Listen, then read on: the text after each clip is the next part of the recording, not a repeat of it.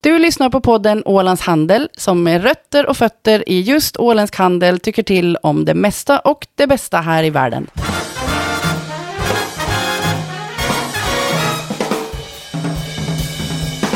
Hörrni, då säger vi välkomna till Ålands Handels podd nummer 101. Så länge har vi hållit på med det här. Och idag ska vi prata om en gammal favorit, eller en ny favorit kanske vi ska säga, för det ska handla väldigt mycket om vindkraft idag. Och som äran att leda det här programmet idag så är det jag och jag heter Jörgen Pettersson och ni lyssnar alltså på Ålands Handelspodd som man hör på Spotify och på alla andra möjliga ställen. Idag så ska vi gå in på eh, vindkraft ur tillsammans med sakkunniga. Vi ska alltså inte bara fabulera fritt denna dag utan vi ska verkligen gå på djupet om Göteborgsskämtet tillåts. Så för att klara av det så har vi med oss Ilmatar Offshore och dess regionchef Anna Häger. Välkommen! Tusen tack! Dig har vi träffat förut i den här podden men jag undrar ändå, vad har du lärt dig den här veckan? Den här veckan att utveckling går otroligt fort. Man tänker att nej, men nu, nu har jag väl det här på, på banan, nu vet jag vad jag ska göra. Så, nej, det, nu, det dyker upp eh, nya saker hela tiden och det är fantastiskt att få jobba med någonting där det kommer nya bollar och så ska man lära sig jonglera med den vikten och med det antalet. Och det är fantastiskt. Jag tycker det är superspännande. Men ibland kan man ju känna att ja, kanske det ska vara lite trevligt att jobba med någonting där jag vet hur min agenda ser ut när jag kommer på jobb. Men det skulle bli ganska tråkigt. Tror jag. Det finns olika utmaningar. Många ja. strävar ju efter att man ska bli färdig. Men, men det där begreppet att bli färdig, det... Nej, alltså jag håller ju med eh, Anna Karlsson här som ni pratade om i ett tidigare avsnitt. Att eh, hålla på. Hålla på och hålla ja. på. Det är ett fint uttryck. Det är fantastiskt. En som har hållit på och håller, hålla på hemskt mycket så är, är Stefan. Eh, vi har Stefan eh, Husa. Är det, säger man Husa eller säger man Husa? Det är nog egentligen Hosa. Hosa, alltså det, det, är Stefan Hosa man säger. Jo, det är ursprungligen från, namnet Hosa kommer från Lappland, trakterna, att det är norra Finland från en liten by som heter Pello. Det är där min pappas familj kommer ifrån, så det är halva familjen från norra Finland och halva familjen är från södra Finland. Så man har en riktig blandning på allt möjligt genetiskt och familjemässigt också, vart ifrån man hittar resten av familjen. Du är marinbiolog till yrket och du jobbar nu för Ilmatar Offshore. Du har tidigare varit med och tagit fram hela den åländska havsplanen som egentligen ligger till grund för visionerna kring storskalig vindkraft. Och nu är du, nu är du hemma kan man säga, för nu håller du på att utveckla det här på riktigt och det är det vi ska prata massvis om idag. Men, men bortsett från det, vem är du Stefan? Vad, vad har du lärt dig den här veckan som du inte kunde veckan innan? Oj, jag vet inte liksom exakt, man kan inte sätta tummen på vad exakt jag har lärt mig nytt här, men man påminns otroligt ofta om hur lite man egentligen vet om vad som finns ute i naturen och man blir förundrad över hur mycket information som vi kan få och varje gång vi får mera information så märker vi att hur mycket vi saknar igen. Så det är det som jag har påmint om den här veckan kan man väl säga att hur man samordnar möten med en hel diverse med experter, människor som har kunskap om sina sektorer mycket mer än vad jag kommer att kunna ha i nuläget, samt hur vi kan tillsammans lära varandra, känna igen varandra och gå tillväga för en hållbar utveckling. Så det är liksom otroligt mycket det här påminner mig om att jag vet lite, men den som inte vet att vet, eller hur det där utspråket går till, men att den som vet att han inte vet är, går vidare kan man väl säga. Att man, man håller på för att lära sig mera. Är det kanske något finskt uttryck det? Jag vet inte. Det, de här språken där man talar finska, ja. svenska och engelska, så de blandar sig i mitt huvud, så mina drömmar går på alla tre språk. Nej, jag, jag har frågat dig vid något tillfälle, att, liksom, vilket språk tänker du på? För det finns liksom inte riktigt en tydlig linje. Jag skulle nästan säga att det är ett eget språk, men med syskonen har vi i barndomen talat tre språk i, i samma meningar, så det... Ja, det är det. Jo, mm. för att vi har bott utomlands så engelskan är som ett av våra modersmål som vi har lärt oss från omgivningen Jaha. väldigt mycket. Så vi har använt, inom samma mening har det bestått av svenska, finska och engelska ord. Grammatiken kan man inte säga så mycket om till slut, men vi har i alla fall förstått varandra inom syskonskolan. Underbart. Språk tynger aldrig någonsin och inte heller insikter gör det. Och idag så lever vi i en internationell energikris som man försöker fixa på olika sätt.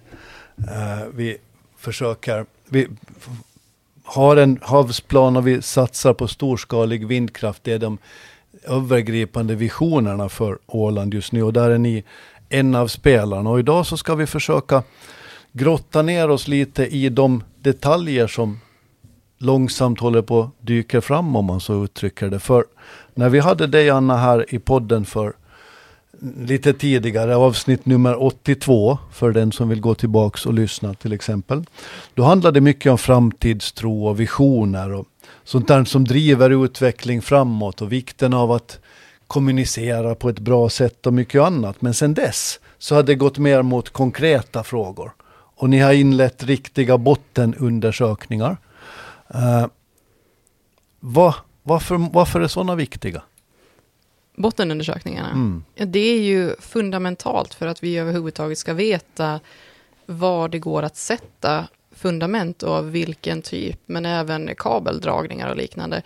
Men framförallt om vi verkligen ska gå på djupet här nu, så är det också för att det är grundläggande material för att göra en ordentlig miljökonsekvensbedömning, MKB som det så fantastiskt förkortas och svängs med, så att det kan vara lika bra att svänga in den här termen här då. Men en MKB är ju då alltså miljökonsekvensbedömning. Det är både det som är positivt och negativt efter att man har gjort en typ av ingrepp som då de här fundamenten och även kablarna kommer att eh, åsamka på något sätt.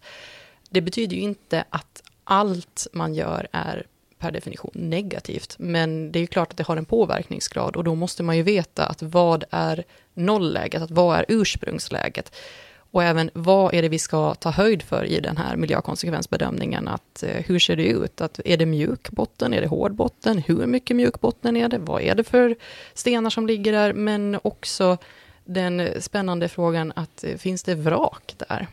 Så det är mycket som ska in i, i den här aspekten. Så vi var väldigt säkra. Det var, vi är en aktör som bygger för att äga.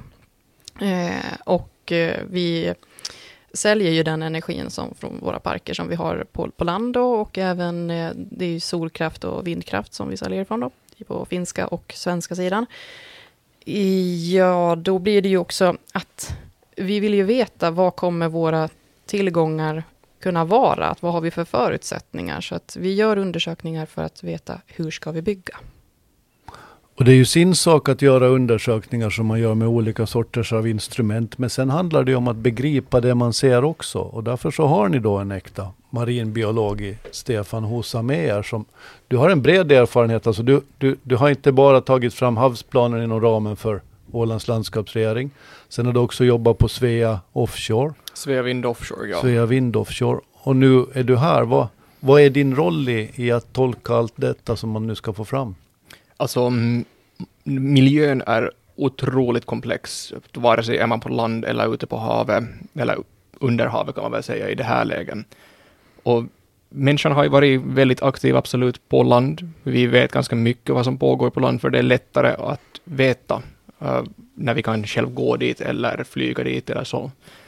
Vi vet inte så mycket vad som finns på havsbotten, men det betyder inte att det inte finns någonting där det är en förutsättning för massvis med eh, marina arter, det vill säga det finns fåglar, det finns fåglar som dyker dit för att äta musslor eller annat kryp som finns på botten. Det finns fiskar som kan bli till vuxna där, de vandrar kanske igenom. Det finns fiskar som kanske gräver sig i botten. Marina däggdjur som sälar, tumlare inte borde finnas på den här sidan, men i havet överlag finns det otroligt diverse organismer. Och det här är en, en av de här förutsättningarna på födokedjan kan man väl säga. Vem äter vem i havet? Så oftast äter man först det som finns på botten och sen går den upp i kedjan. Så finns det en mask på botten så blir den oftast uppäten av en liten fisk som blir uppäten av en större fisk som kanske blir uppäten av en säl eller en havsörn i slutändan. Eller en ålänning. Eller en ålänning. Men sen förstås har människan påverkan också på omgivningen. Så vi, vi måste ju veta vilka arter finns var? Finns det överlag några arter? Men just med de här bottenskanningarna kan vi få veta på förutsättningarna för är det mjuk botten så kanske finns maskar som gräver sig i botten. Är det hårt botten så finns det musslor som kan fästa sig någonstans. Så det är det här översimplifierade den här tanken att vad, vad vi måste veta för att förutsättningarna skapar andra förutsättningar, för de skapar en andra förutsättningar. Och det är också det att vi vill ju veta vad som fanns där före, under och efter att vi har varit där och gjort någonting.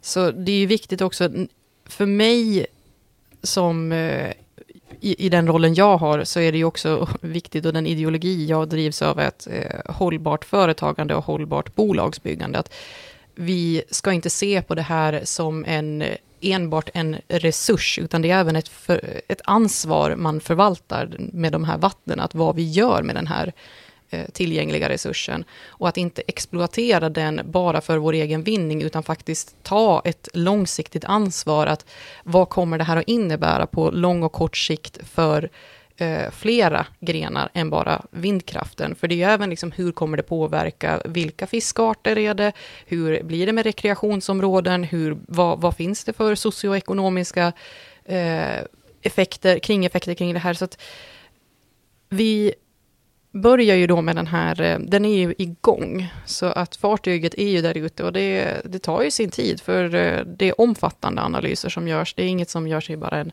en handvändning sådär, och i vårt fall, vi är ju inte en aktör som gillar att ta eh, liksom, korta vägar, för när de här står där vill vi ju veta vad, det, vad är det för slags botten och vad har vi gjort för inverkan? För vi är ju med från det att det byggs tills dess att det plockas ner.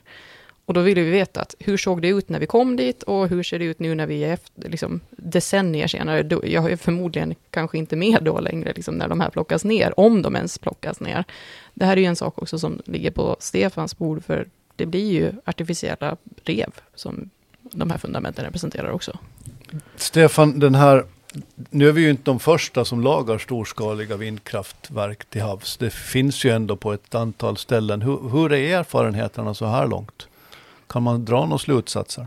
Vi kan väl säga att vi är absolut första i norra Östersjön. Här finns I vår del, i, i vår del, del jo, men jag tänker på andra ställen. Sen, sen tittar vi på vad som har hänt med eh, havsbaserad vindkraftparker, kan man väl nästan säga, eh, i andra delar av världen. Det, det finns förutsättningar för, liksom, tittar vi till exempel på Nordsjön, där finns stora potentiala områden för havsbaserad vindkraft, men också i Skottland, Storbritannien, trakterna.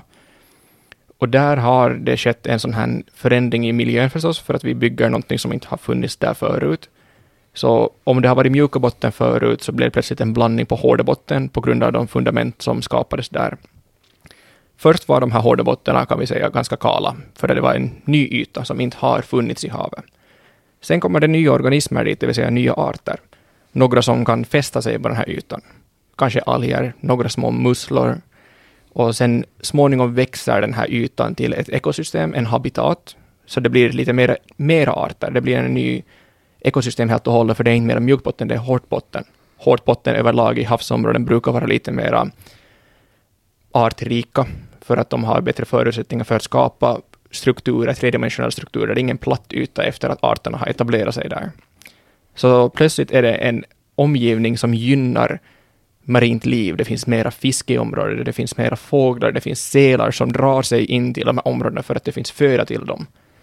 Så istället för att ha varit en botten som har varit mjukbotten, så plötsligt finns det en blandning på mjuk och hårdbotten som har gjort att det finns mera resurser, det finns mera marint liv och mera fisk för till exempel lokala fiskare att finnas där. Så svaret är att man egentligen kan visa på förbättringar när det handlar om, om helheten för? Det finns den potentialen att det kan bli en bra miljö för marint liv. Därmed är det viktigt att veta vad som finns där först. Vi vill ju inte gå dit och förstöra en miljö för att skapa en ny om det inte finns någonting från botten, vill det säga att det är 40-50 meter djupt. Växterna får inte tillräckligt mycket solljus för att kunna leva i sådana djupa botten. Det kanske är syrefritt eller syrefattigt, det finns inte så mycket liv överlag. Men skapar vi fundament som gör ett hårt yta som går från grundare till djupare områden, så finns det en möjlighet för arter att komma dit och göra det till ett sånt här hotspot-område. Så vi ger en chans till marina arter, havslevande arter, att hitta nya hem och skapa liksom förutsättningar för till exempel fisken. Strömmingen leker i vissa områden i Östersjön. Kanske vi kan hjälpa den att hitta nya lekområden eller inte åtminstone skada det befintliga, när vi vet vad som finns på botten. De här parkerna utgör ju också, har vi sett, eh, eller erfarit då från andra eh, parker runt om i världen som är, ja, har varit igång betydligt längre, bland annat där jag i England och Skottland. Och där har man ju sett liksom att eh, det marina livet frodas där. Det innebär ju också att i de här parkerna så får man inte tråla med eh, liksom, trålare, stora pelagiska Bot- Släptrålare, bottentrålare. Ja. Mm. bottentrålare. Ja. Så att eh, det här blir också en förutsättning att det blir frizoner för eh, det storskaliga liksom, industriella fisket. Då. Så där blir det väl ett hot mot eh, dem. Men i min mening så är inte det kanske någonting som kanske skulle vara det värsta som händer Norrhavet i Åland, att det finns frizoner för strömming. Nej, det vore det bästa som kunde hända faktiskt. Vad har ni hittat så här långt då? Undersökningarna pågår väl as we speak ungefär nu va? Det gör de och eh, datan samlas ju in då av eh, vår, vår båt som är där ute och snurrar. Men här får nog nästan Stefan ta vid för att det är ju inte bara att vi skannar av och så får vi titta på resultatet. Det är mycket mer än vad man tror. Berätta Stefan, har du varit med och åkt? Är min första fråga. Tyvärr har jag inte haft möjligheten att vara där med och åka på båten när de undersöker det här. De dyker inte utan de skannar ju med diverse utrustning. Men den informationen som samlas in är ju otroligt detaljerad och storskalig. Vi talar ju om projektområdena är lite under 600 kvadratkilometer stort totalt sett, det som vi jobbar med. Och det förutsätter också att undersöka sådana här områden förutsätter äh, så här lov, tillstånd från Försvarsmakten för att det finns territorial övervakningskrav. Och den här datan som är så här detaljerad och så här noggrann har egna säkerhetskrav på sig. Så vem som helst får inte se på den. Okej. Den får inte förvaras var som helst, utan den måste förvaras i säkra utrymmen, presenteras på säkert sätt och jobbas med säkert sätt. Så vi kommer inte att ha den på våra datorer själva heller inte, utan den måste hanteras med de villkoren som Försvarsmakten sätter för oss. Så det kommer vara data som eh, raderas ut från det där av eh, Försvarsmakten då, av säkerhetsskäl, vilket är fullt rimligt. Men det är också när vi ska extrahera data som gör att det är möjligt för oss att skapa mm, men, digitala tvillingar eller liknande. Så då blir det ju också att vi har tillgänglig data, men vi ser inte precis, precis allt på grund av säkerhetsrisker då, gentemot eh, för, ja, riket och Ålands säkerhet. Då. Så ni vet inte ännu om man har hittat ett vrak eller en flotta gamla vikingaskepp eller tumlare eller? tumlare så ska inte finnas inom området kan man väl säga så här från ett marinbiologiskt perspektiv. Det ska inte finnas egentligen födosöksområden i de här norra Östersjön, norr om Åland. Vi vet att arter kanske tappar bort sig. Vi menar några år sedan så har det funnits någon val i Östersjön, det har funnits uh, delfiner i Östersjön som har tappat bort sig. I somras fanns det ju en valross, i Valross, mm, Finland, ja. så det är inte omöjligt att arter tappar, går vilse. Men de här områdena är inte enligt nuvarande information av tumlaren omgivningar där tumlaren ska frodas eller befinna sig konstant. Skulle då liksom rent hypotetiskt, att om det är så att de här eh, liksom hotspotsen, de här fundamenten, när de liksom blir, eh, får mycket alger, alltså sjögräs och, och fiskeliv och sånt, rent hypotetiskt, skulle det kunna bli så habitat för tumlare och andra små valar? Det är omöjligt att säga i nuläget. Jag vågar inte spekulera om en art som inte jag har själv studerat så noggrant. Men jag måste ställa frågan eftersom man inte, det inte finns dumma frågor, absolut inte i den här podden. Eh, tumlare är någonting som, som rätt ofta används i debatten när det handlar om Östersjön. Och, och det finns väldigt få människor som har sett tumlare i Östersjön, alldeles särskilt på, vår, på våra breddgrader. Alltså Mm. det, det är rättvist att säga att de är extremt ovanliga. De är väldigt ovanliga, de är väldigt skygga.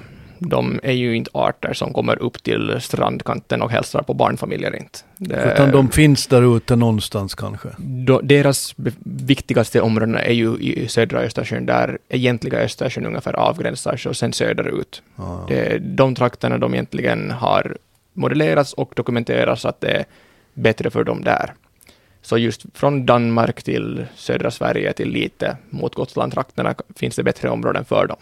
Sen ska man kanske inte dra slutsatser av att man själv inte råkar ha sett dem heller. För, för samma kan man ju översätta till land. Inte ser du ju mårdhundar dagligen heller.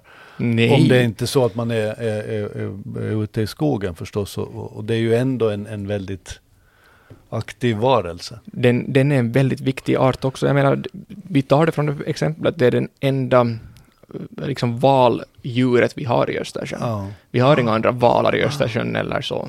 Vi, vi har, det är vår delfin också, kan man väl säga. Östersjöns delfin.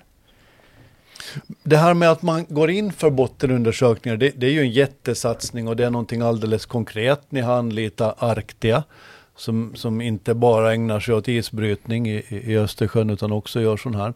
Det betyder att man faktiskt går från ord till handling. Mm. Är det här helt enligt planerna så här långt? Och, och ni, ni, ni visar med detta, åtminstone i mina ögon, att det här gör man på riktigt.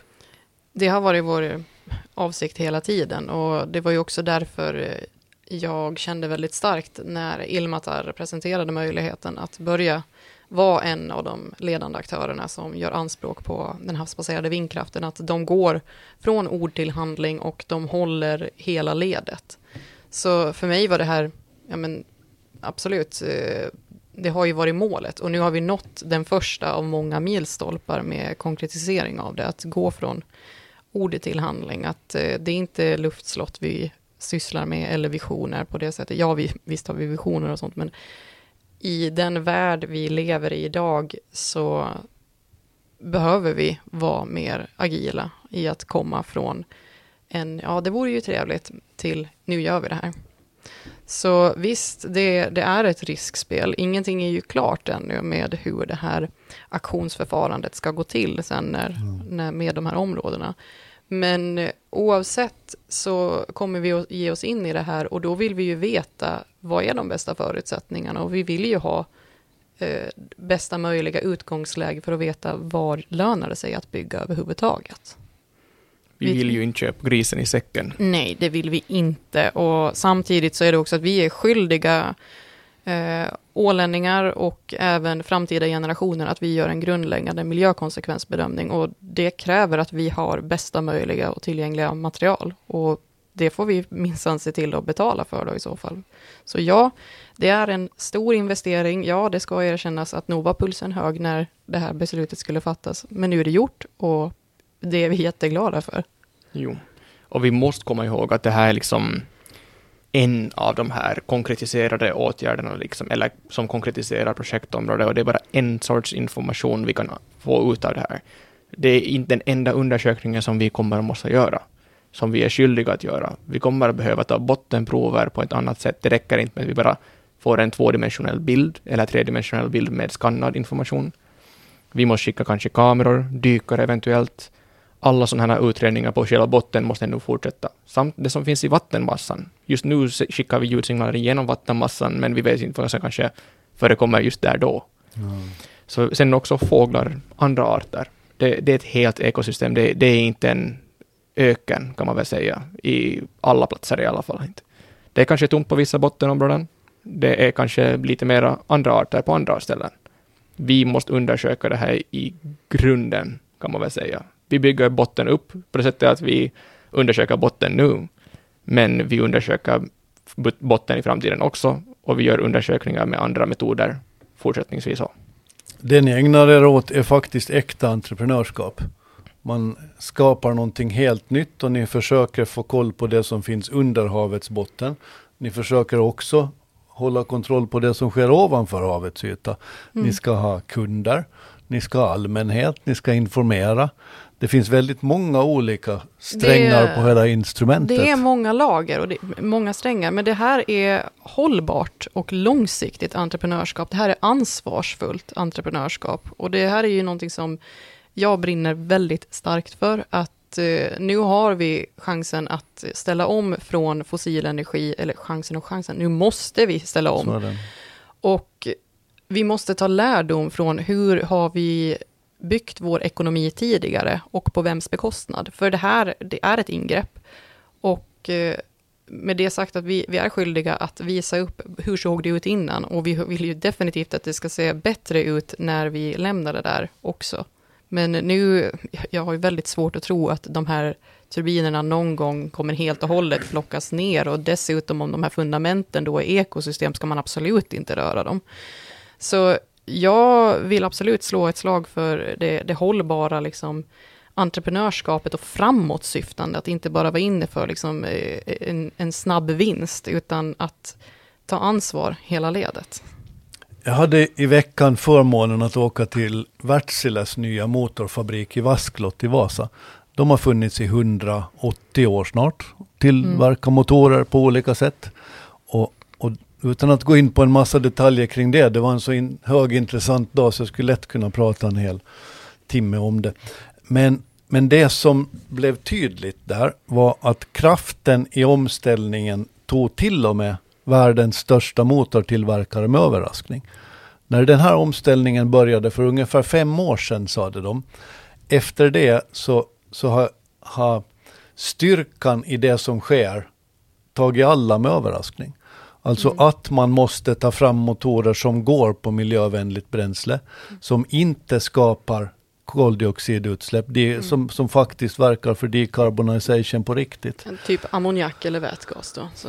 Eller metanol eller vad det nu är Fast för någonting. Fast då har du faktiskt en kolkälla där som det du släpper Det har du alltid, det har du med LNG också, men du har väldigt mycket mindre. Jo, men du måste ju titta på hela molekylstrukturen. Vätgas och ammoniak har inte en kol i sig. Så, så vitt att du kan, till, att du kan tillverka den med, eh, med, med, med miljövänlig elektricitet. Exakt. Och, och det är där som, vi, exakt. Och, och det, är ju det där med... som är så intressant att ni, det, det, här har ju ändå skett rätt snabbt, får man säga. Och ni har kommit igång på ett halvår så har ni inlett bottenundersökningar. Det, det är, helt, det är otroligt egentligen. Ja, alltså helt ärligt så den här eh, att vi kom så här långt, så här snabbt. Eh, har nog förvånat de flesta. Dels mina kollegor på, på fastlandet som är helt övertygade om att ja, men du har väl varit här två och ett halvt år sedan? Nej, jag, jag har varit här ett, ett halvår, men tack. Så det, det är någonting, det är ett skifte här i världen som saknar motstycke. Det ska bli jättespännande att få se hur historien nedtecknades om vad som hände globalt sett och även lokalt sett med energikrisen eh, och Ukraina-kriget. Det är, vi står inför verkligen vägskäl på många nivåer. Inte bara energi utan även eh, hur vi bedriver våra företag, men transporter. Matindustrin kommer förändras radikalt och väldigt snart också. Och det är ju en effekt av att vi har byggt upp en, en ekonomi som är helt och hållet eh, utvecklad kring fossil energi. Så är det. Så. Börjar folk fatta det enligt er mening? Stefan, vad tänkte du när du började skissa på en, en, en havsplan? Vad, vad var målet då? Vad, vad trodde du att du skulle uppnå och tycker du att det har blivit som du tänkte? Jag, ja, vad trodde jag? Jag, jag såg framför mig en tom karta i början. Det, jag trodde inte fanns så mycket aktivitet eller så mycket intresse i havet.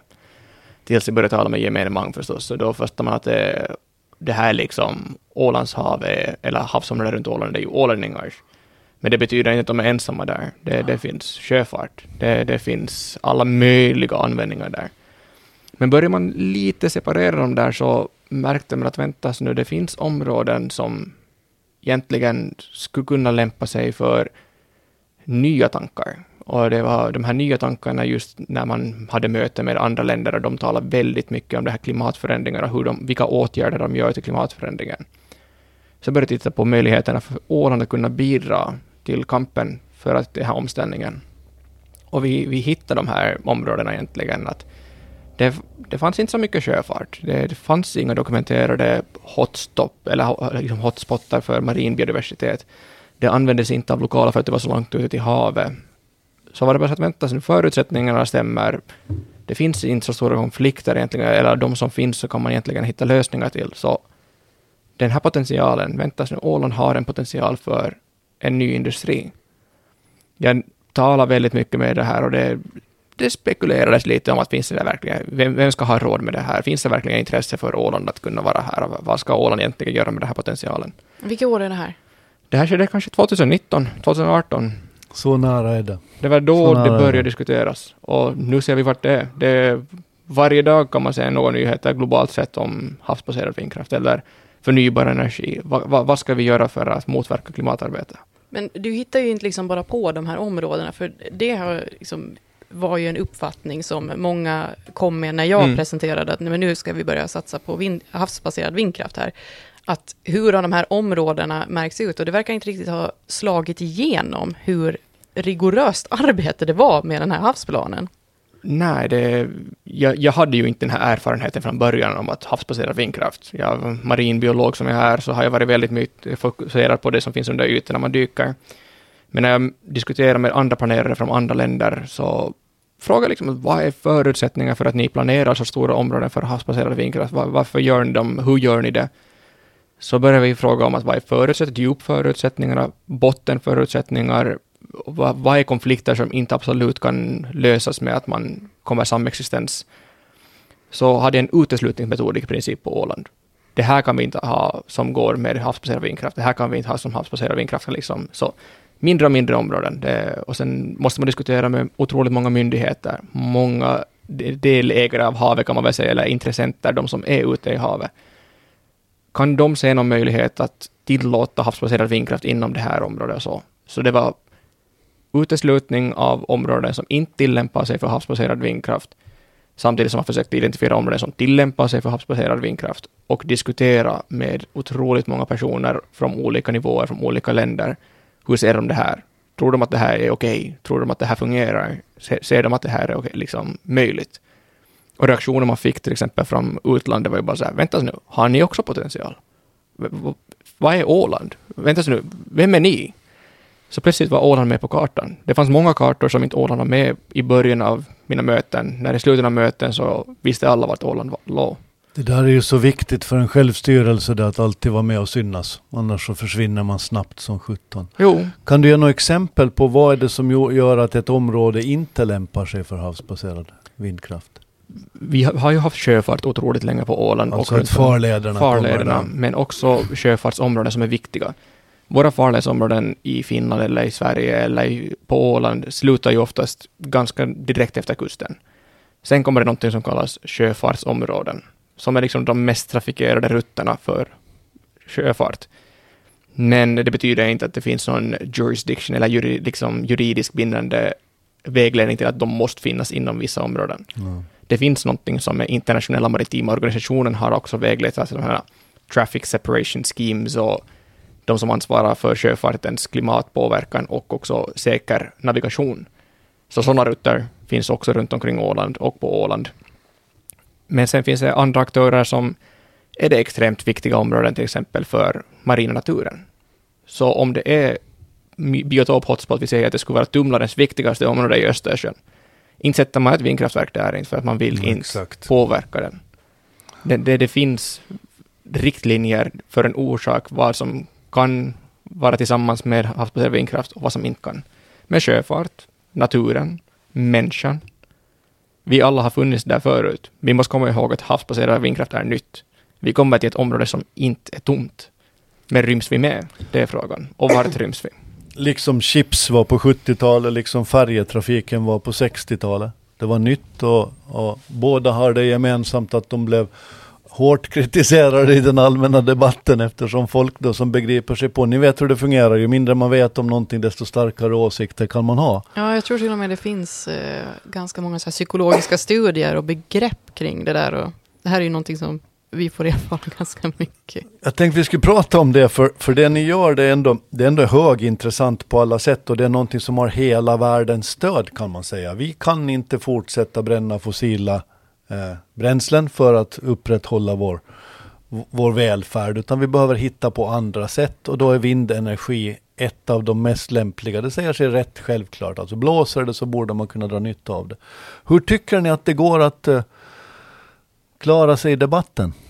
Väldigt väl, för vi har ju underbyggt, både jag och, och Stefan kommer ju liksom från en naturvetenskaplig bakgrund. Vi är bägge biologer, vi värnar om eh, miljön och naturen och vill förstå hela konceptet.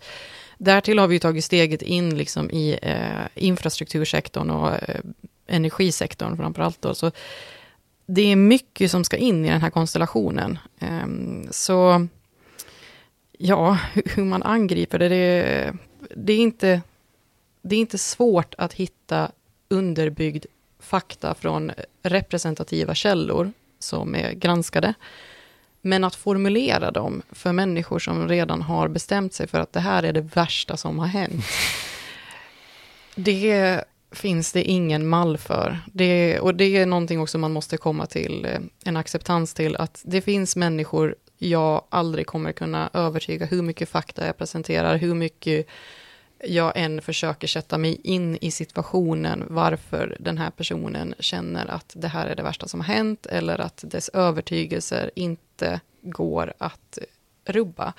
Och det är ju bara att gå till sig själv. Jag skulle nog också vara väldigt svårrubbad i mina övertygelser, men jag hoppas verkligen att jag skulle ha insikten att nej men jag kan ha fel. Och det är väl en av de bästa lärdomarna som, eller vad ska man säga, mantran jag har, att jag kan ha fel. Och många skulle nog må bra av det, för det är väldigt skönt att upptäcka att jag har fel, vad skönt, jag kan lära mig något nytt. Jag måste liksom lägga till där också att den här diskussionen som går, det är viktigt att den är tvåsidig. Ingen gynnas av att man inte kan diskutera. Man kan ha absolut monologer, man kan tala framför spegeln om man vill hur mycket man vill. Men det kommer inte att bidra med någon sorts utveckling. Så jag lyssnar gärna in till uh, var, var i grund och botten var, var, varför det finns motsägare eller vad det är som är nervöst med det här projektet och den här utvecklingen. Men jag vill också kunna diskutera vad ligger bakom det igen. Vad är egentliga orsaken till varför man är emot det i så fall, om man är emot det. Men även om man är för det, finns faktan där som behövs. För det är väldigt mycket, man kan ha åsikter om saker som inte man vet så mycket om. Men vi gärna diskuterar med dem också. Så det är inte en diskussion bara med det negativa. Det är en Nej, diskussion med det, det positiva. Det, man ska ju hålla skillnad på åsikt och fakta. Det, det är ju en ganska bra regel här i livet nog. Absolut. Men där är det ju också att vi lever så på Åland lever vi väldigt nära varandra. Att det är snabba kommunikationsrutter. Social media är väldigt starkt på Facebook, liksom med, med Facebook och liknande. Och och andra plattformar. Att, eh, det är också en väldigt intressant eh, era vi, vi lever i. Samtidigt som vi har energikris och klimatkris så har vi också ett otroligt flöde av, av eh, information och hur vi kan hålla kontakten med varandra. Men det innebär ju också hur man yttrar sig på de här plattformarna Eh, ska ju också spegla att man känner ett ansvar till vad är det jag riktigt säger nu? Att vad, kan jag stå bakom det här? Att vad innebär det här? När jag släpper det här ordet fritt, vad händer då? Och det här tror jag liksom, det, det är inte riktigt inkorporerat med, eh, vad ska man säga, den allmänna fostran i sunt förnuft. För det är fascinerande att samma människor i den åldersgruppen som sa åt mig att tänk på vem du träffar på nätet, du vet aldrig vem det är, är samma generation som nu sitter och delar artiklar som inte är faktagranskade, blurpar ut sig helt bizarra saker. Och då kan man ju bara gå till sig själv, liksom, vad var det som hände här på, på vägen? Att eh, den här faktagranskningen och eh, förståelsen för det skrivna ordet på sociala medier, vad har det för inverkan långsiktigt på hela samhället? Det är Keyboard Warriors. Jag tror att det är den här gamla eh, steppen som slår igenom när, när det är ju ofta dels mest faktiskt nog eh, gubbar som ägnar sig åt och som blir Keyboard Warriors. Det, det är ju lite så nog. Kan hända att det har att göra med att man inte längre kan gå ut på steppen och, och, och jaga sitt djur eller något sånt där. Man känner att man måste göra någonting. Jag tror också det är viktigt att komma ihåg att vi är människor. Vi, vi är inte robotar, utan alla människor har känslor. Och det här tycks vara ett ämne som väcker otroliga mängder känslor. Det, det där är en bra kanske. fråga. Varför tror ni att det är så? Man förstår det inte. Eller man har en övertygelse om att det måste vara dåligt. Det, jag, jag förundras dagligen över att hur, hur kan jag formulera mig på ett annat sätt så att du förstår mig? Och hur kan du formulera dig så att jag förstår dig bättre? Jag, jag vet inte. Jag har jobbat med den här frågan nu i i flera år att förstå eh, de som är emot förnybar energi. Jag har fortfarande ingen aning om vad slutkontentan är. Men det är oftast att man känner att det är så som jag har uppfattat det. Och vad litteraturen säger mig också, studier, är att eh, man är rädd att bli utelämnad, att man inte förstår eh, det som händer. Att man eh, känner att man har exkluderats från sammanhanget, att man har tidigare haft en roll som har varit inflytelserik, men nu längre inte är aktuell. Att eh, det finns en yttre hotbild som man inte känner att man kan påverka. Men även om den är liksom att imaginär, den, den, finns inte på riktigt, den här hotbilden, så är det fortfarande att du upplever det som väldigt jobbigt och att du måste göra någonting åt det. Och du söker sammanhang, du söker mönster.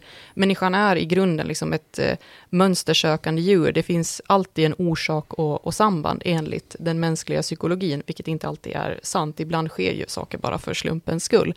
Men att det är därför vi har så mycket konspirationsteorier och det är därför mm. vi ser det också liksom på sociala medier, hur snabbt det här är, att det ena ger det andra och det tredje och det fjärde.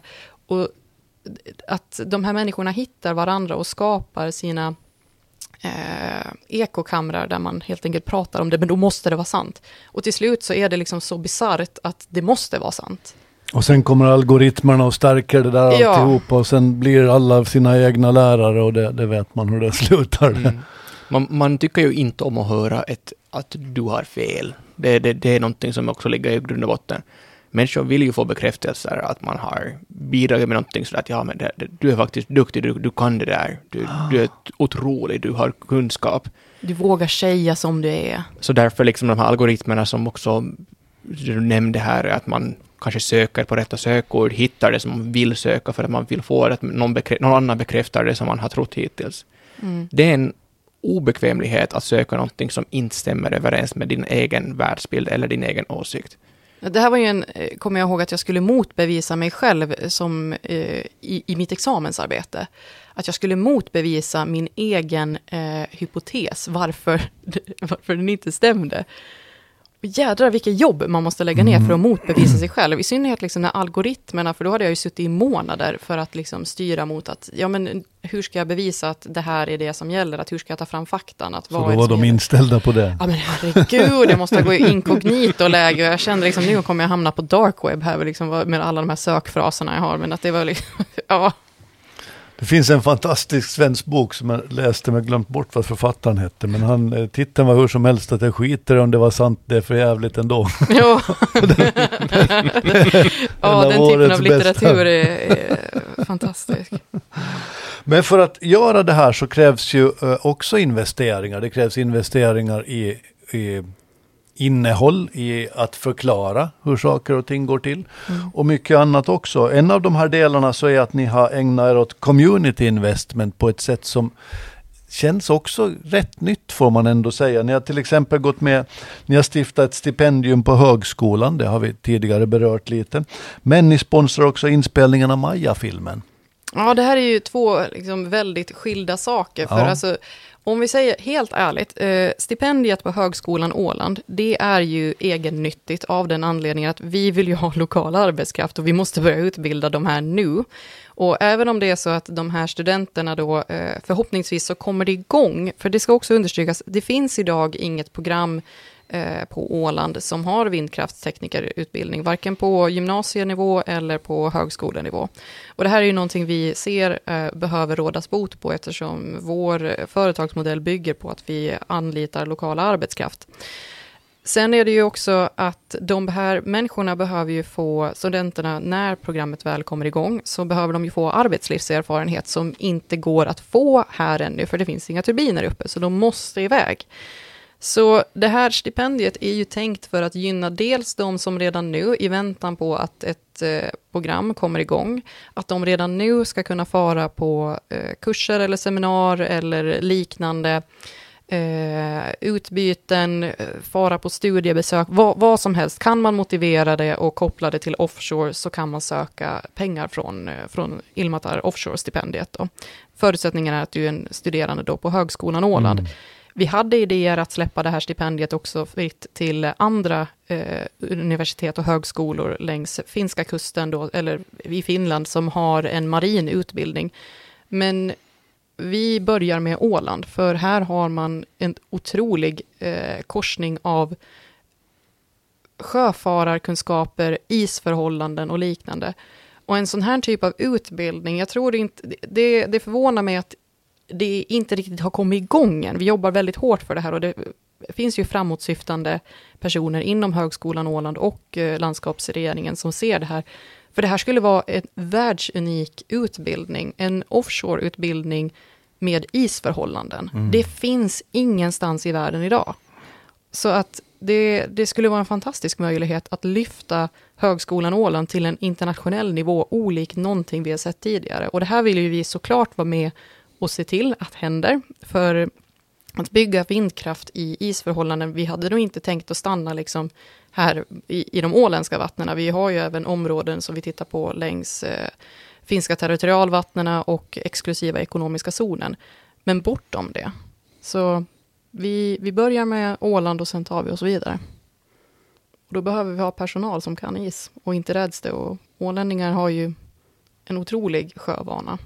Hur, hur ska man vara funtad för att bli en bra vindkraftsarbetare?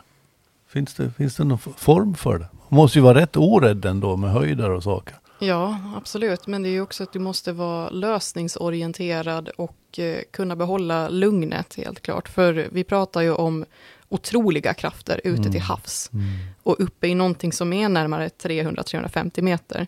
Nu är det ju inte att man skulle fara dit ut under full storm, absolut inte. Mm.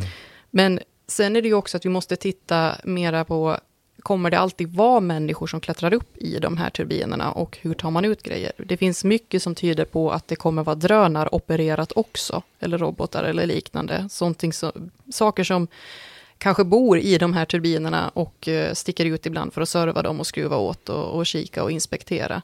Så jag tror inte det finns en enskild mall för hur du ska vara som vindkraftstekniker. Det finns ju jättemycket olika jobb runt omkring eh, en turbin. Men eh, allting, ja, det är väl som att fråga hur ska du vara för att jobba inom sjöfarten? Det är sant. Man ska vara, som i alla andra yrken faktiskt, så ska man mest av allt tycka om det man gör. Det är en Ja, det ganska är- bra början. Ja, och det är ju det vi hoppas på, att kunna bygga ett bolag som ger mer. Att eh, man ska vara, man, man går till jobbet och känner att det här betyder någonting. Det är ju det jag absolut hoppas på att kunna vara med och bygga. Men Maja-filmen då, det tycker Ja. jag är hedervärt att ni är med där, för det är, en- det är en fin grej och det är sånt som hjälper hela Åland i, i berättelsen. Ja, och Maja är ju, Stormskärs-Maja är ju en fiktiv karaktär, men hon är ju byggd på berättelser av många. Eh, Det- Hon är ingen fiktiv karriär, hon är lika verklig som jultomten. Hon, det, det. Ska, vi, ska väl inte ifrågasätta den no. nu inte. Maja är ju den här personifieringen då i litteraturen för den åländska skärgårdskvinnan. Någon som har stått stark genom stormarna. Och liksom, det, det blir ju klyschigt att, att säga det, men att jag, för mig är ju de här turbinerna också någonting som står starkt genom stormen. Och Och- som levererar energi. Jajamän. Och eh, är, eh, liksom, låter sig inte utmanas av vädrets makter, utan tar det till sig och skapar en tillvaro. Men med det sagt, liksom, visionärt liksom, varför det finns eh, liksom, likheter mellan Stormskärsmaja och havsbaserad vindkraft, även om det kan kännas långsökt, så var det också att Stormskärsmaja ligger ju, det är ju Ålands nationalepos, det är ju det närmsta vi har. Att det fanns en vi hörde talas om att det fanns en påtalad risk att den kanske inte skulle spelas in på Åland om det inte fanns finansiering. Och hur mycket sanning det ligger i det sen, det tänker jag inte spekulera om, men det kändes ju helt absurt att det här som eh, är så åländskt det bara blir, inte landar på Åland. Det, det får inte hända. Samtidigt så var det ju också att mycket av det som eh, man pratar inom eh, filmbranschen, som jag vet att de har lobbat tidigare, är ju att det skapar, när, det, det är ju en stimulans för näringslivet Visst. att synas eh, i det här. De ska bo någonstans, de ska eh, kunna ta sig runt, lokala eh, resurser måste anlitas, kor ska hyras in. Liksom, det, det är så mycket som händer kring det här och det återspeglar ju också vår affärsmodell, att engagera lokalsamhällena. Nu är det inte bara liksom en filmsatsning som, som vi går in för, utan vi satsar ju även för att vara här hela tiden. Men det hade varit väldigt tråkigt om inte Stormskärsmaja hade kunnat synas liksom med åländsk berggranit och, och liknande och med faktiskt de åländska vattnena och åländska kor och åländska statister. Att det, det hade varit jättesynd. Sen var det ju också att arbetsnamnet var eh, länge Stormskär, så att det blev en, en no-brainer sist och slutligen. Har du Stefan sett Stormskärs Maja? Tyvärr. Det här måste jag nu erkänna att jag inte har sett Stormskärsmaja. Det Jag bli- har lyssnat på musiken och jag har blivit kär i ljud, hela idén och så. så. Det ska bli intressant att se hur dagens generation tar emot den, för den finns ju Ja. på Yle Arena. Den är, den är inte jättelättillgänglig. Nej, och den, det är ju lite som så här slow tv. Och det är ju ett helt annat sätt att spela in på. Det är, det är lite som den här älgvandringen man kan följa på SVT på något vis. Som för övrigt hör till SVTs mest sedda program. Det är helt sant. Kanske det mest sedda. Ja, Slow TV är inte så dumt. Det nej, det är kanske det vi behöver i, i dagsläget. för allt har blivit så agilt och allt händer så direkt och det, han, och det får återspeglingar i debatten och det får allt möjligt. Jag märkte faktiskt här nu för några veckor sedan så var elpriset lågt. Vilket det inte har varit på rätt länge. Nej, och faktiskt... eh, Och då, då uppstod plötsligt en debatt direkt att ja, se nu, det här är bra för det blåser ute och det gör att vindkraftverken snurrar och därför är elpriset lågt. Mm. Är det så lätt? Alltså det här är ju ett jättesvårt pussel att lägga vad som är orsak och verkan. För det är ju krafter eh, bortom eh, goda väderförhållanden för vindkraften som inverkar på det här. Det är ju också hur man i, i centrala Europa har spekulerat på elbörsen och elmarknaden och vad som händer där. Eh, nyligen så, det, det är också så bisarrt vad för olika län, länders olika strategi för hur man ska klara sig ur energikrisen. Det här, vad är det, snäppet svalare tror jag det heter i Finland då, som även har kommit till Åland. Eh, det var ju också någonting vi fick erfara när vi var ner till, till Hamburg, som är högst eh, liksom, drabbat av den här energikrisen också, men som ligger ja, precis utanför eh, SE4-området. Så då blev det en så intressant incident när vi var på hotellet och ja, vi, vi var ju liksom med moderbolagets representanter också, de Finland, så att de frågade ju såklart, finns det bastu på hotellet? För de hade läst att det fanns en spaavdelning, så att eh, eh, då, då kom svaret nej, vi har stängt av den. Men samt på, på grund av Putin. Var, det, jag tyckte det var en fantastisk fras att höra från en receptionist på ett hotell. Samtidigt så är det att eh, rummen var liksom 23 grader varma. Så att hade de bara sänkt liksom till 21 eller 20 grader inomhus så kanske man hade kunnat haft igång den där bastun. Så det är liksom hur, det är så många saker, en sån liten sak i mentalitet att var lägger vi resurserna? Så avgör. Och här tycker jag det är fantastiskt, liksom de eh, procenttal man läser om att finnarna har sparat i energikonsumtion är ju otroligt. Vad är det, 14 procent? Och det går rätt snabbt. Ja, det går det är rätt snabbt. fantastiskt. Jag tycker man märker det hemma, ja. Om man bara har lite ordning med sig så det är rätt lätt att spara rätt mycket. Alltså. Ja, Så är det faktiskt. Och, och det är ganska mysigt om man har till exempel några värmeljus på, måste jag säga. Om inte man kanske nu har en eldkamin hemma, men för jag är inte en sån person som tyvärr har ett, en brasa, en sån möjlighet, men sätter man på fem värmeljus på så blir det varmare i köket också. mm. Det, men du får ju anledning för alla stickprojekten. Och alla yllesockor. Ja. Men det, det är roligt att göra, så det, man, får, man får hålla på, kan man väl säga. Hålla på. hålla på hålla på. Nu är det ju så här att elpriserna, vi är ju en liten del av en väldigt stor värld. Mm. Och idag så pratar vi väldigt mycket vindkraft och en sak som måste lyftas upp är, är i Sverige har man just bildat en ny regering och man har skrivit ett eh, Tidöavtal som nu kommer att debatteras under överskådlig framtid. Där får man känslan att kärnkraft lyfts rätt mycket. Att det är det som ska bli lösningen på något sätt. Eh, och att man till och med inte tveksam till vindkraftssatsningar men man blir tydligare med att det blir andra än samhället som ska vara med och betala det. Eh, det andades en slags go för kärnkraft och ett lite mera nja för vindkraft. Tolkar ni det likadant? Alltså det finns mycket man kan säga eh, om den svenska politiken just nu Mm. och hur man resonerar. Att man väljer att ta bort miljödepartementet som har många år på nacken och jag vet att eh, före detta miljöministrar har gått ut och eh, varit fullkomligt rasande på det här. Mm säger en hel del. Och dessutom när man har följt den svenska politikerdebatten så är det ganska klart och tydligt att eh, man kanske inte har samma övertygelse i vad det är faktiskt som står på spel när det kommer till klimatet och att man tänker kortsiktigare. Och det här är också någon, en trend som vi kommer förmodligen att se i, i vår närområde, i, i det finska valet och i det åländska valet också, att hur man resonerar kortsiktigt. För vi befinner oss i en kris och då tänker man kortsiktigt. Att vara logiskt tänkande och tänka liksom det långsiktiga, hur investerar vi oss ur den här krisen? Det är inte någonting som fyller valsedlarna. Folk vill ju se en förändring nu. Ja. Så det här eh, Tidöavtalet eh, som man nu har lagt fram är ju ett resultat av kortsiktighet. Exakt. Jag är benägen till att hålla med där på många sätt. Det är samma fenomen som man faktiskt kan se när pandemin slog till, kommer ni ihåg? När vi alla Ja. gick och famlade och man funderade på vad man skulle göra och då bunkrar man toalettpapper. Ja, det är människan Eftersom rolig. man begriper sånt. Medan det övriga så kan vara lite svårare. Mm. Det är viktigare än någonsin alltså att hålla, hålla blicken stadig på något sätt. Stefan, som marinbiolog så, inse, så ser man säkert ganska tydligt att förändring kommer ju sällan riktigt snabbt utan det tar rätt lång tid. Förändring kommer sällan snabbt. Ja, alltså det tittar man från biologiska perspektiv så kan förändring gå väldigt snabbt. Det finns Mm. arter som skapas och det finns arter som försvinner väldigt snabbt på grund av diverse händelser. Men på människans aspekt så tror jag det snabbaste som sker just nu kanske är faktiskt den klimatförändringen som hotar oss.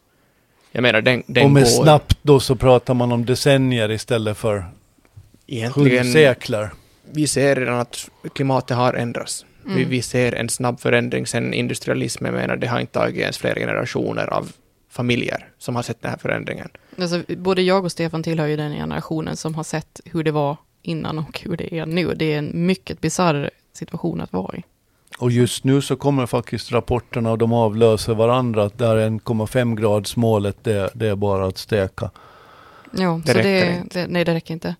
Så, men eh, det betyder ju inte att man ska ge upp hoppet och bara kasta in handduken, utan det handlar ju om att nu är det ju för någon form av överlevnad. Människan kommer ju alltid att överleva, men det är ju liksom på vilka grunder kommer det vara och vilka eh, vilken bekvämlighetsnivå kommer vi att lägga oss? För vi kommer se eh, folkvandringar och flyktingstormar på grund av det här. Så det, det kommer orsaka obalanser i världen. Så det är inte när de här som är skeptiska till, eh, eller rent av förnekar att klimatet blir varmare, eller säger att det är inte så farligt för att det, färre människor kommer dö av kylan än vad den kommer dö av värmen. Så är det ju också att man inte tar hänsyn till att eh, blir det varmare så blir det torka och svält. Vad gör folk då? Vad hade du gjort? Hade du stannat kvar på Åland om det de, blev de sticker, de flyttar någon annanstans. Exakt. Så det är inte alltid att eh, havsnivån är det värsta som kan hända. Det är människan själv. Frågan är egentligen hur bra eller hur dåligt vill du ha det?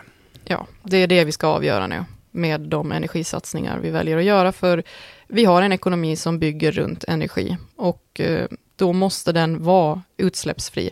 Så ja, jag förstår varför Tidöavtalet eh, tar fram eh, och lägger fram helt enkelt att kärnkraft ska vara det, för den är utsläppsfri när den väl är igång.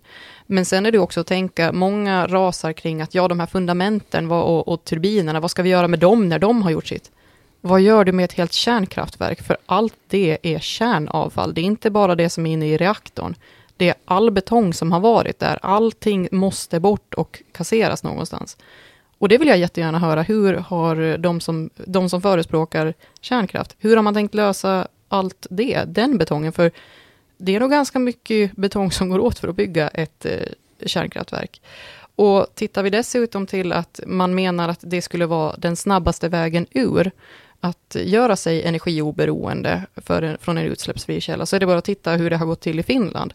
När eh, Olkiluoto 3 då skulle komma igång, på samma tid som det tog från det att man tog beslutet, nu ska vi börja bygga, tills dess att den är typ klar, ish, den, den kommer att gå liksom, och det har fel och, och liknande.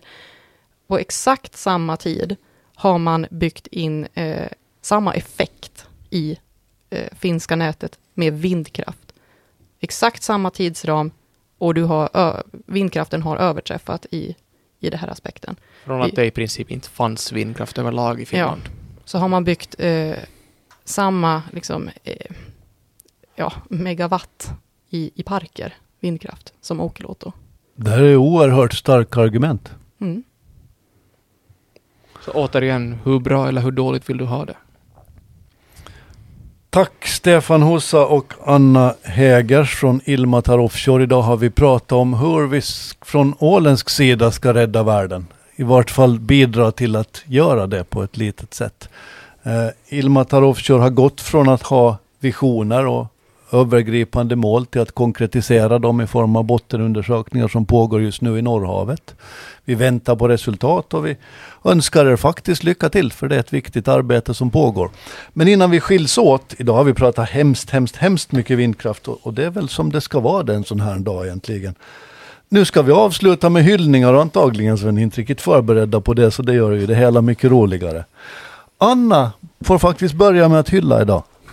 Alltså vi pratade om det här på vägen hit och eh, jag vet inte, jag, jag vill ju hylla mina kollegor, jag vill hylla det ena och det Ja. andra. Men, Kör då. ja, men ska jag hylla mina kollegor? Jag hyllar dem varje dag för de är helt fantastiska. Men någon jag vill hylla är, är, är kanske min mamma i det här läget. Ja, det är bra. ja då kör vi på min, min morsa här nu då. Eh, Anette Häger Ahlström. Ja, Eh, utan henne hade jag inte kunnat göra det här jobbet som jag gör, för hon är med och egentligen, jag, vill hylla mor och farföräldrar som möjliggör att deras barn kan jobba för en förbättring för sina barn, alltså för sina barnbarns skull. Det är, det är ett otrolig ynnest att få leva nära sina föräldrar och sin familj på det sättet som jag har lyckan och förmånen att göra. Och eh, att jag, jag växte upp så att jag var väldigt mycket med min mormor och morfar. Jag, det, det är också en kuriosa grej att när vindkraften kom igång på Åland runt där början av 90-talet, så satt morfar med som kansliminister och skulle ta besluten för att vindkraft skulle byggas på Åland. Så vi har ganska intressanta diskussioner i efterhand, så här att eh, han såg till att det kom igång här på, även på land. Och nu, eh, nästan 30 år senare, gör jag det ute till havs. är han nöjd Bengt? Ja, han är jättenöjd eh, med Så han har inte blivit en av de där gubbarna som sitter hemma på kammaren och tycker att det var bättre förr. Nej, alltså min morfar är en otrolig eh, visionär på det sättet att eh, man ska inte vara rädd för att utvecklas, man ska inte vara rädd för framtiden. Han är ju en otrolig eh, naturkraft, den här gubben. Och det måste man nog vara med de eh, svårigheter han har liksom mött genom livet. Men han är så positiv. Jag önskar att jag ens är 10% av hans liksom, optimism i, i framtiden. Verkligen, att det är otroligt att träffa en snart 90-årig gubbe som har sån, eh, ja, jag vet inte, han har sån tilltro till att det kommer bli bättre. Att eh, det är jättehärligt. Så, men det är också ynnesten att få växa upp med eh, närheten till den här typen av kunskap, att eh, träffa sina morföräldrar och farföräldrar väldigt ofta, att få lära av en annan generation, att få perspektiv, att få ett djup i hur saker och ting har varit. Så det är ju någonting jag är jätteglad att mina föräldrar då kan berika min dotters liv med. En härlig hyllning det där. En människa som min hustru som är den klokaste som jag vet. Hon brukar säga att man ska lita på livet. Man ska våga låta sig lita på livet. Och då blir det bra. Stefan, Ja, alltså jag måste fundera på det här, vem ska man hylla för att det finns personer i, i min nära familj och i släktskapen och vänner som har haft stor påverkan, som har liksom hämtat mig hit vart jag är idag. Men egentligen, tänker man sig här noggrant, så det är inte en person jag vill hylla, utan det är själva Åland. wow, Det, det är härligt. liksom, bara för att vara klyschig här, men Nej, kör! jag har dykt otroligt många gånger här runt omkring Åland. Jag har lärt mig hur man blir en marinbiolog på Åland i mångt och mycket. Har du dykt på plus? Dykt på plus? Nej, jag har varit och tittat på marina miljöer. Du har tittat på Alltså, grejer på... Så, just det. Så man, man är så liksom nördig som man kan bli, att man tycker att de där småkrypen är fascinerande faktiskt. Jag har föreslagit att han ska dyka vid plus, Ja. men han sa nej, det, det vill jag inte, jag vill se. Men det är egentligen den där liksom unikheten, man ligger mitt i havet, men ändå har man varit här otroligt länge och gjort sitt. Så nu vill jag bara säkerställa att jag kan vara med och göra mitt och bidra till en utveckling här på Åland för att göra det ännu ett steg framåt. Om inte ett steg, men kanske fler. I sådana här händer så är vår framtid trygg, det känner jag det. Jag avslutar idag med att eh, ge en hyllning till Viking Line som levererade sin nio månaders rapport, rapport idag. Den enda som brukar tycka att sånt här inte är roligt är Fredrik. Men han är inte här idag. Ja, du tycker också det är ganska kul. Det känns som att du har nämnt Viking tidigare. Sjöfarten tycker jag om att, Ja. att hylla. Eh, De har 2218 anställda.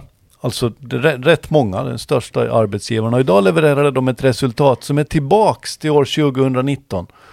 Trots att allt som har hänt under pandemin. Och det är ett väldigt, väldigt starkt tecken. Och det är precis det här vi behöver för att bygga hållbarhet. Vi behöver ha lönsamma företag under tiden tills dess att vi har också eh, hållbara företag. Och annat. Ja. Men hållbara företag kan vi börja bygga redan nu. Så att vi är på god väg. Och jag tycker Viking Line är ett fascinerande bolag, verkligen, i hur de tar ja, men, strid verkligen för att finnas kvar och utveckla sig. De har gjort det. Och de har idag så gott som ensamrätt på Åbo Stockholmlinjen Mm. med LNG-drivna fartyg. Och det är ett viktigt steg i det här. Ja, det är det. Hörni, tack ska ni ha för denna pratstund. Ha en riktigt fin helg. Tack Och detsamma. till mina lyssnare så säger jag som Fredrik och Anna har lärt mig säga tack och förlåt. Tack för att ni har varit här. Tack så mycket. Tack. Tack. Trevligt veckoslut. Nu har du lyssnat så här långt, så nu kan du ge oss en liten stund till tycker vi. Du kan gå in på Spotify och prenumerera på podden Ålands Handel. Eller på Podcaster, där kan du göra samma sak. Där kan du också ge oss betyg och skriva recensioner, det tycker vi om. Och sen kan du förstås gå in och titta på vår hemsida ålandshandel.ax. Och så hörs vi nästa vecka.